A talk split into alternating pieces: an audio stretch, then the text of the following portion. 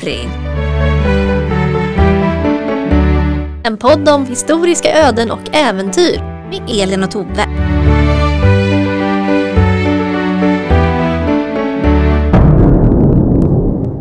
Det har ju varit himla många turer kring en viss tavla på Nationalmuseum. Jo, det kan man säga. Alltså hur svårt ska det vara? Ja, och hur ska vi kunna lösa det här? Men det är ju faktiskt ett av de finaste verken i den svenska konsthistorien. Ja, jag skulle vilja säga den västerländska konsthistorien. Ja, absolut. Den är ju av internationell standard, internationell klass. Och det är helt sjukt att man inte kan hitta den. Ja, ja jag jag är orolig. Jag, jag är faktiskt djupt oroad över, över det här konstverkets öde. Ja, Och jag vill ha svar.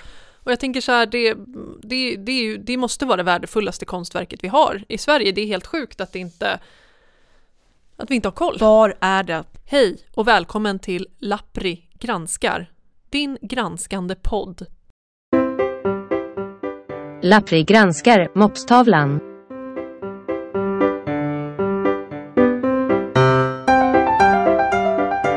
I det här avsnittet av Lappri granskar så har vi tagit oss an, som ni kanske hörde, ett av den västerländska konstkanonens största verk som tycks vara försvunnet. Berätta mer om det här Jag Tove. kan berätta mer. Verket i sig är målat av Axel Otto Mörner och är daterat till runt år 1800. Verket bär titeln Mops, Karl den XIIIs favorithund i Rosersbergparken. Om hunden i sig heter Mops eller om det bara är rasen som djuret har får vi inte veta. Det är en av, det är, tycker jag är tjusningen med den här tavlan, mysteriet. Som, Det är ett mysterium.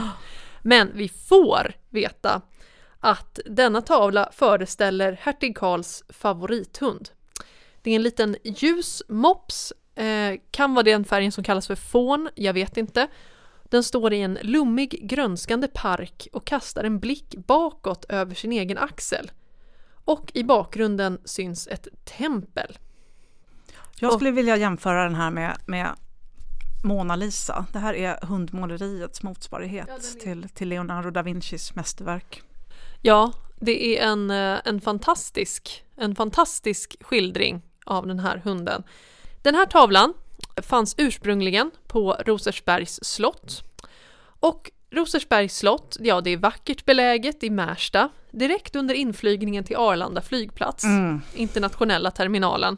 Och slottet uppfördes ursprungligen på 1630-talet men skänktes 1762 till den 14 år gamle prins Karl, alltså blivande hertig Karl och blivande efter det konung Karl den trettonde av riksdagen då. Det var de som skänkte ett slott till honom.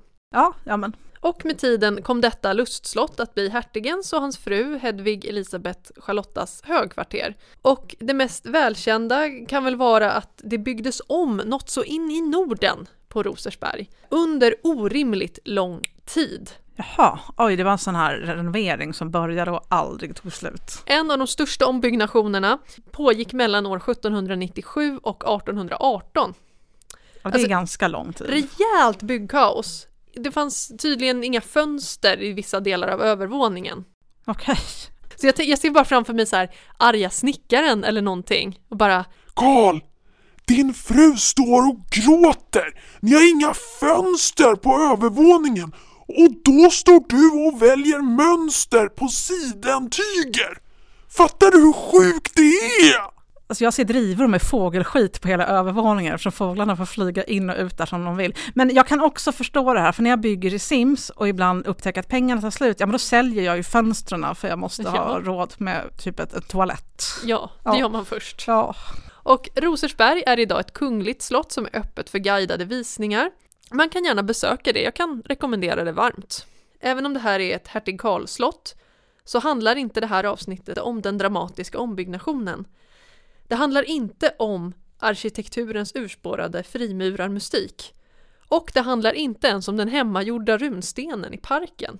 synd. Nästan. Det handlar om kronjuvelen i kulturpärlans krona.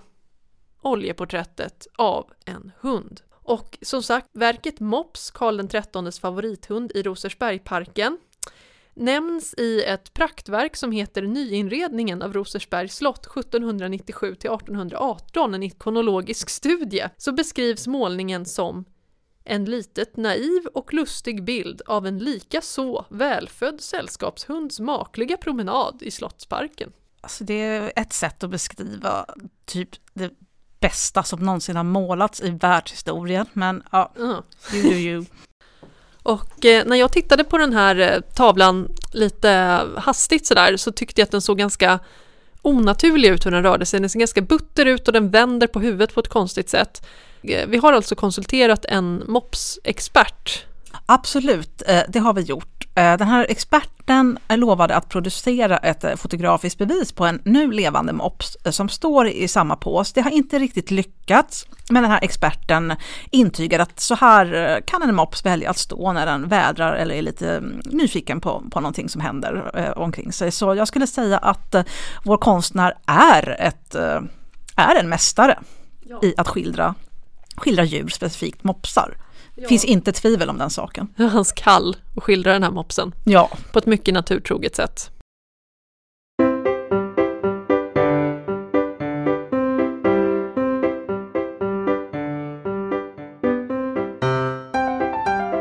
Och vilket av slottets rum var det här porträttet av Mops eh, avsett för?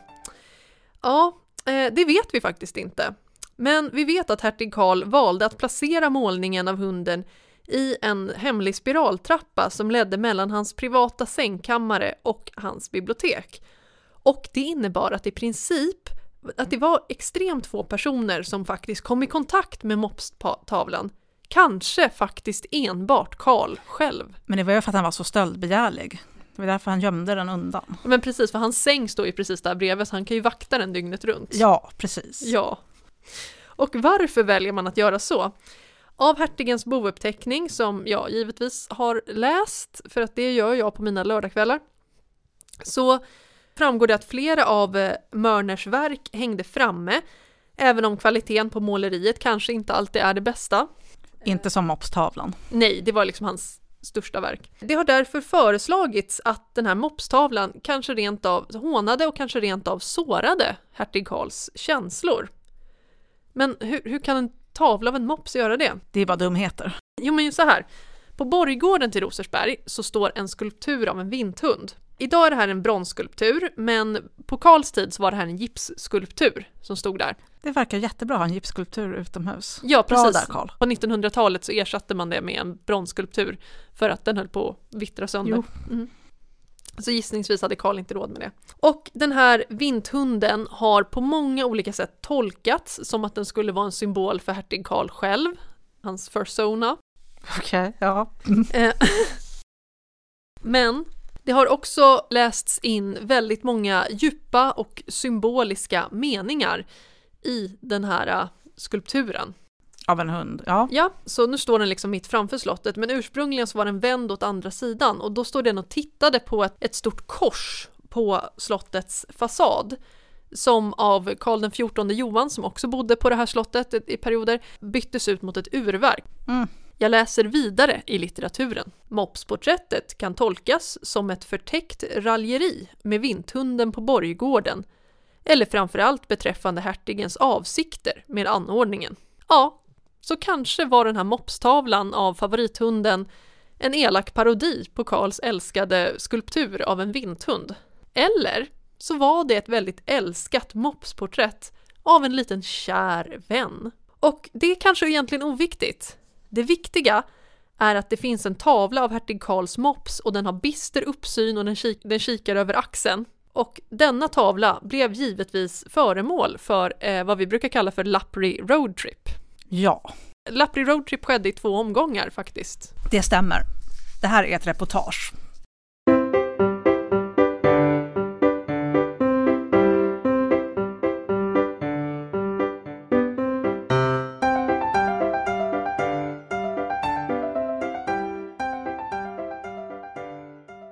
Efter en lång resa som tagit oss igenom otaliga små och suspekta samhällen i Skaraborg som vi aldrig hört talas om, men där människorna ständigt betraktade oss med avvaktande misstro, anlände vi äntligen till Läckö slott på Kållandsö, Vänern. Omedelbart blev det tydligt att vi inte var välkomna. Det var mulet, 12 grader kallt och blåste, kul styv, styv, och blåste styv kuling i juli. Vi, ans vi insåg att vårt uppdrag skulle bli betydligt svårare än väntat. Parkeringen låg flera hundra meter från entrén till slottet och det duggregnade.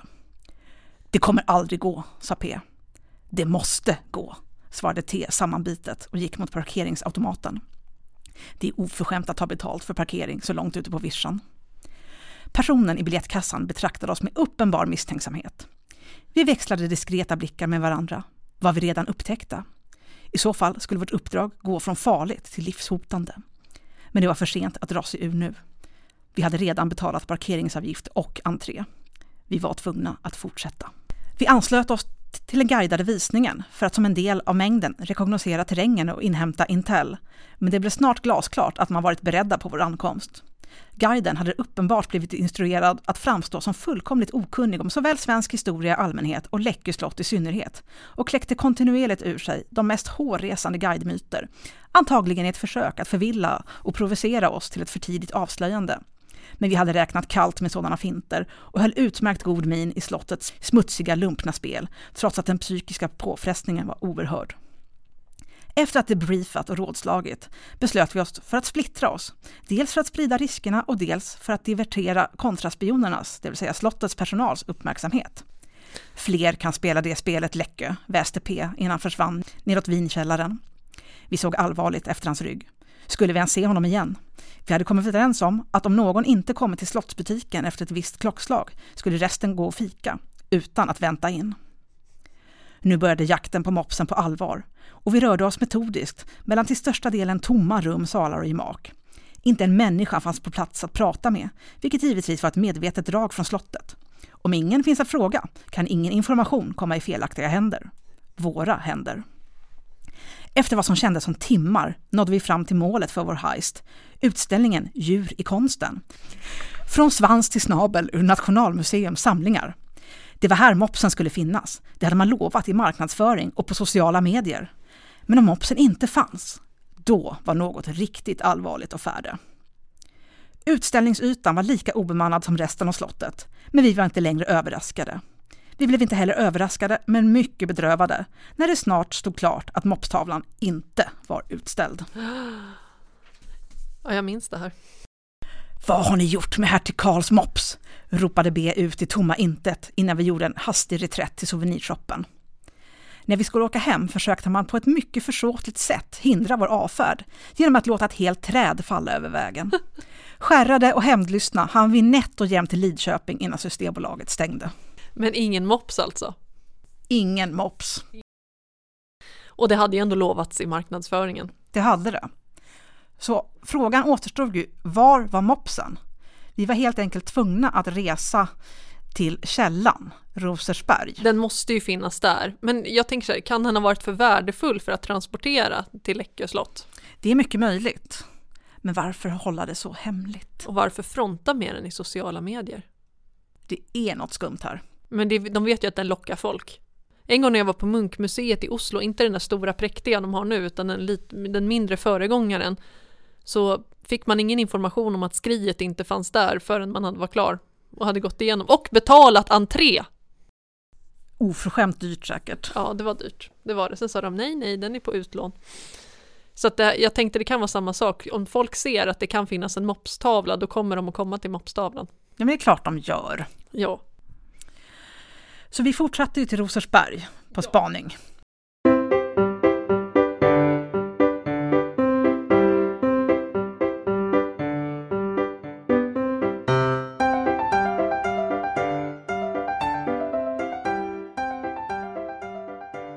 Nej, nästan en månad efter vår spaning på Läckö anlände vi till Rosersberg i decimerad uppställning. B hade blivit för uppskrämd av de tidigare upplevelserna och följde vår undersökning via länk.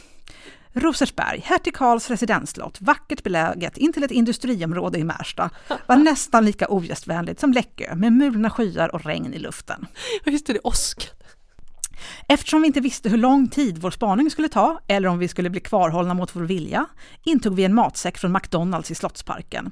Filet of fish, McFeast och något mer som jag inte minns. Vi närmade oss slottet med vaksamma fotsteg. Helt säkert visste man att vi skulle komma och var förberedda. I kassan låtsades man inte om ES t-shirt med egendesignat motiv av Rosersberg, vilket bekräftade våra aningar. Ingen skulle prata med oss här heller. I alla fall inte om det vi ville veta. Guidningen var ordinär och tämligen fulltaglig. Antagligen hade man hyrt in statister för att avskräcka oss ifrån alltför närgångna frågor. Och det lyckades dessvärre. Precis som att Hoglandssalen, trots dagar av förberedelser och mental träning, verkade mycket demoraliserande på oss. Innan vi för vår egen säkerhets skull behövde ta oss ut i friska luften igen lyckades T med övermänsklig ansträngning till, till sist fråga guiden var mopstavlan fanns. Vi fick endast ursäkter och bortförklaringar till svar och ett hånleende i ryggen. När vi kom ut på borggården började åskan rulla över våra huvuden. Det var ett rop på hjälp från mopsen, det visste vi. Och nedslagna över att än en gång misslyckats i vårt uppdrag besökte vi hertig Karls porrgrotta i ett kallt strilande regn. Läckö slott 1, Rosersberg 1, Nationalmuseum 1, Lappri 0.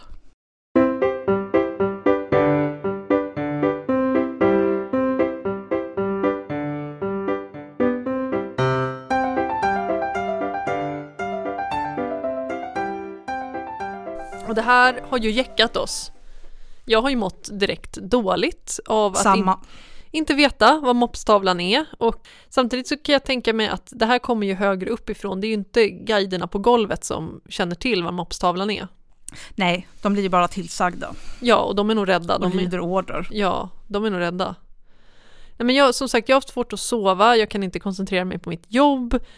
Jag, jag bara tänker på den här mopstavlan. Ja, jag mår skit. Ja, så jag tog faktiskt på mig här i, i egenskap av Lappris redaktion att jag kontaktade Nationalmuseum för att få svar. Jag, jag var orolig. Jag satt där på min lilla stol och vred mig, men jag, jag- var tvungen att göra det här. Mm, mm, mm. Och i frågeställningen så beskrev jag mopsens uteblivande från utställningen på Läckö slott.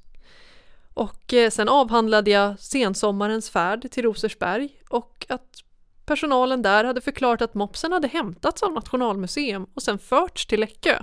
Mot sin vilja förmodligen. Ja, det, det, det, den vill ju vara där den ska vara. Och jag beskrev ingående min oro för att Nationalmuseum kanske har tappat bort verket Mm. och avslutade med att fråga hur den mår och hur, om tavlan är i säkerhet. Och eh, svar kom samma dag. Hmm. Hej Tove! Tack för din e-post angående Axel Mörners porträtt av Karl XIIIs favorithund, inventarienummer NMRBG71. Det fanns planer på att målningen skulle ha ingått i sommarens djurutställning på Läckö, men av konservatoriska skäl gick detta tyvärr om intet. Mopsen drogs tillbaka från utställningen och fick istället stanna kvar i Nationalmuseum magasin. Där hänger detta förtjusande mopsporträtt i god säkerhet, väl omsett av magasinförvaltare och konservatorer. Underskrivet XXX intendent. Jag vet inte om jag kan lita på det här. Jag, det, det, det kom ingen bild med på Nej. den, hur den mår och om den faktiskt finns där. Jag, det enda vi kan tro på är den här intendentens ord. Ja, och det är inte mycket värt ärligt talat. Nej, inte när vi vet hur mycket skumrask det har varit Ja. med den här mopsen. Jag är bara så orolig att de har sålt den här mopsen utomlands Ja, för att finansiera museets dåliga ekonomi. ja där med den här hyrdramat. Ja, och alltihop. Det, det, är, min, det är min största, största skräck faktiskt. Ja, ja nej, och tyvärr så är ju liksom det här lite de här spåren slutar.